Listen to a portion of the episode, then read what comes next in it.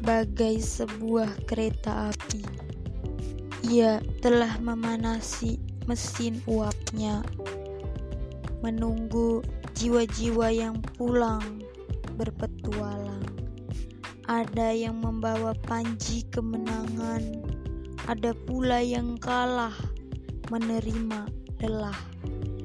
Tapi setidaknya ia tak berdiam diri menepi di kerajaan mimpi.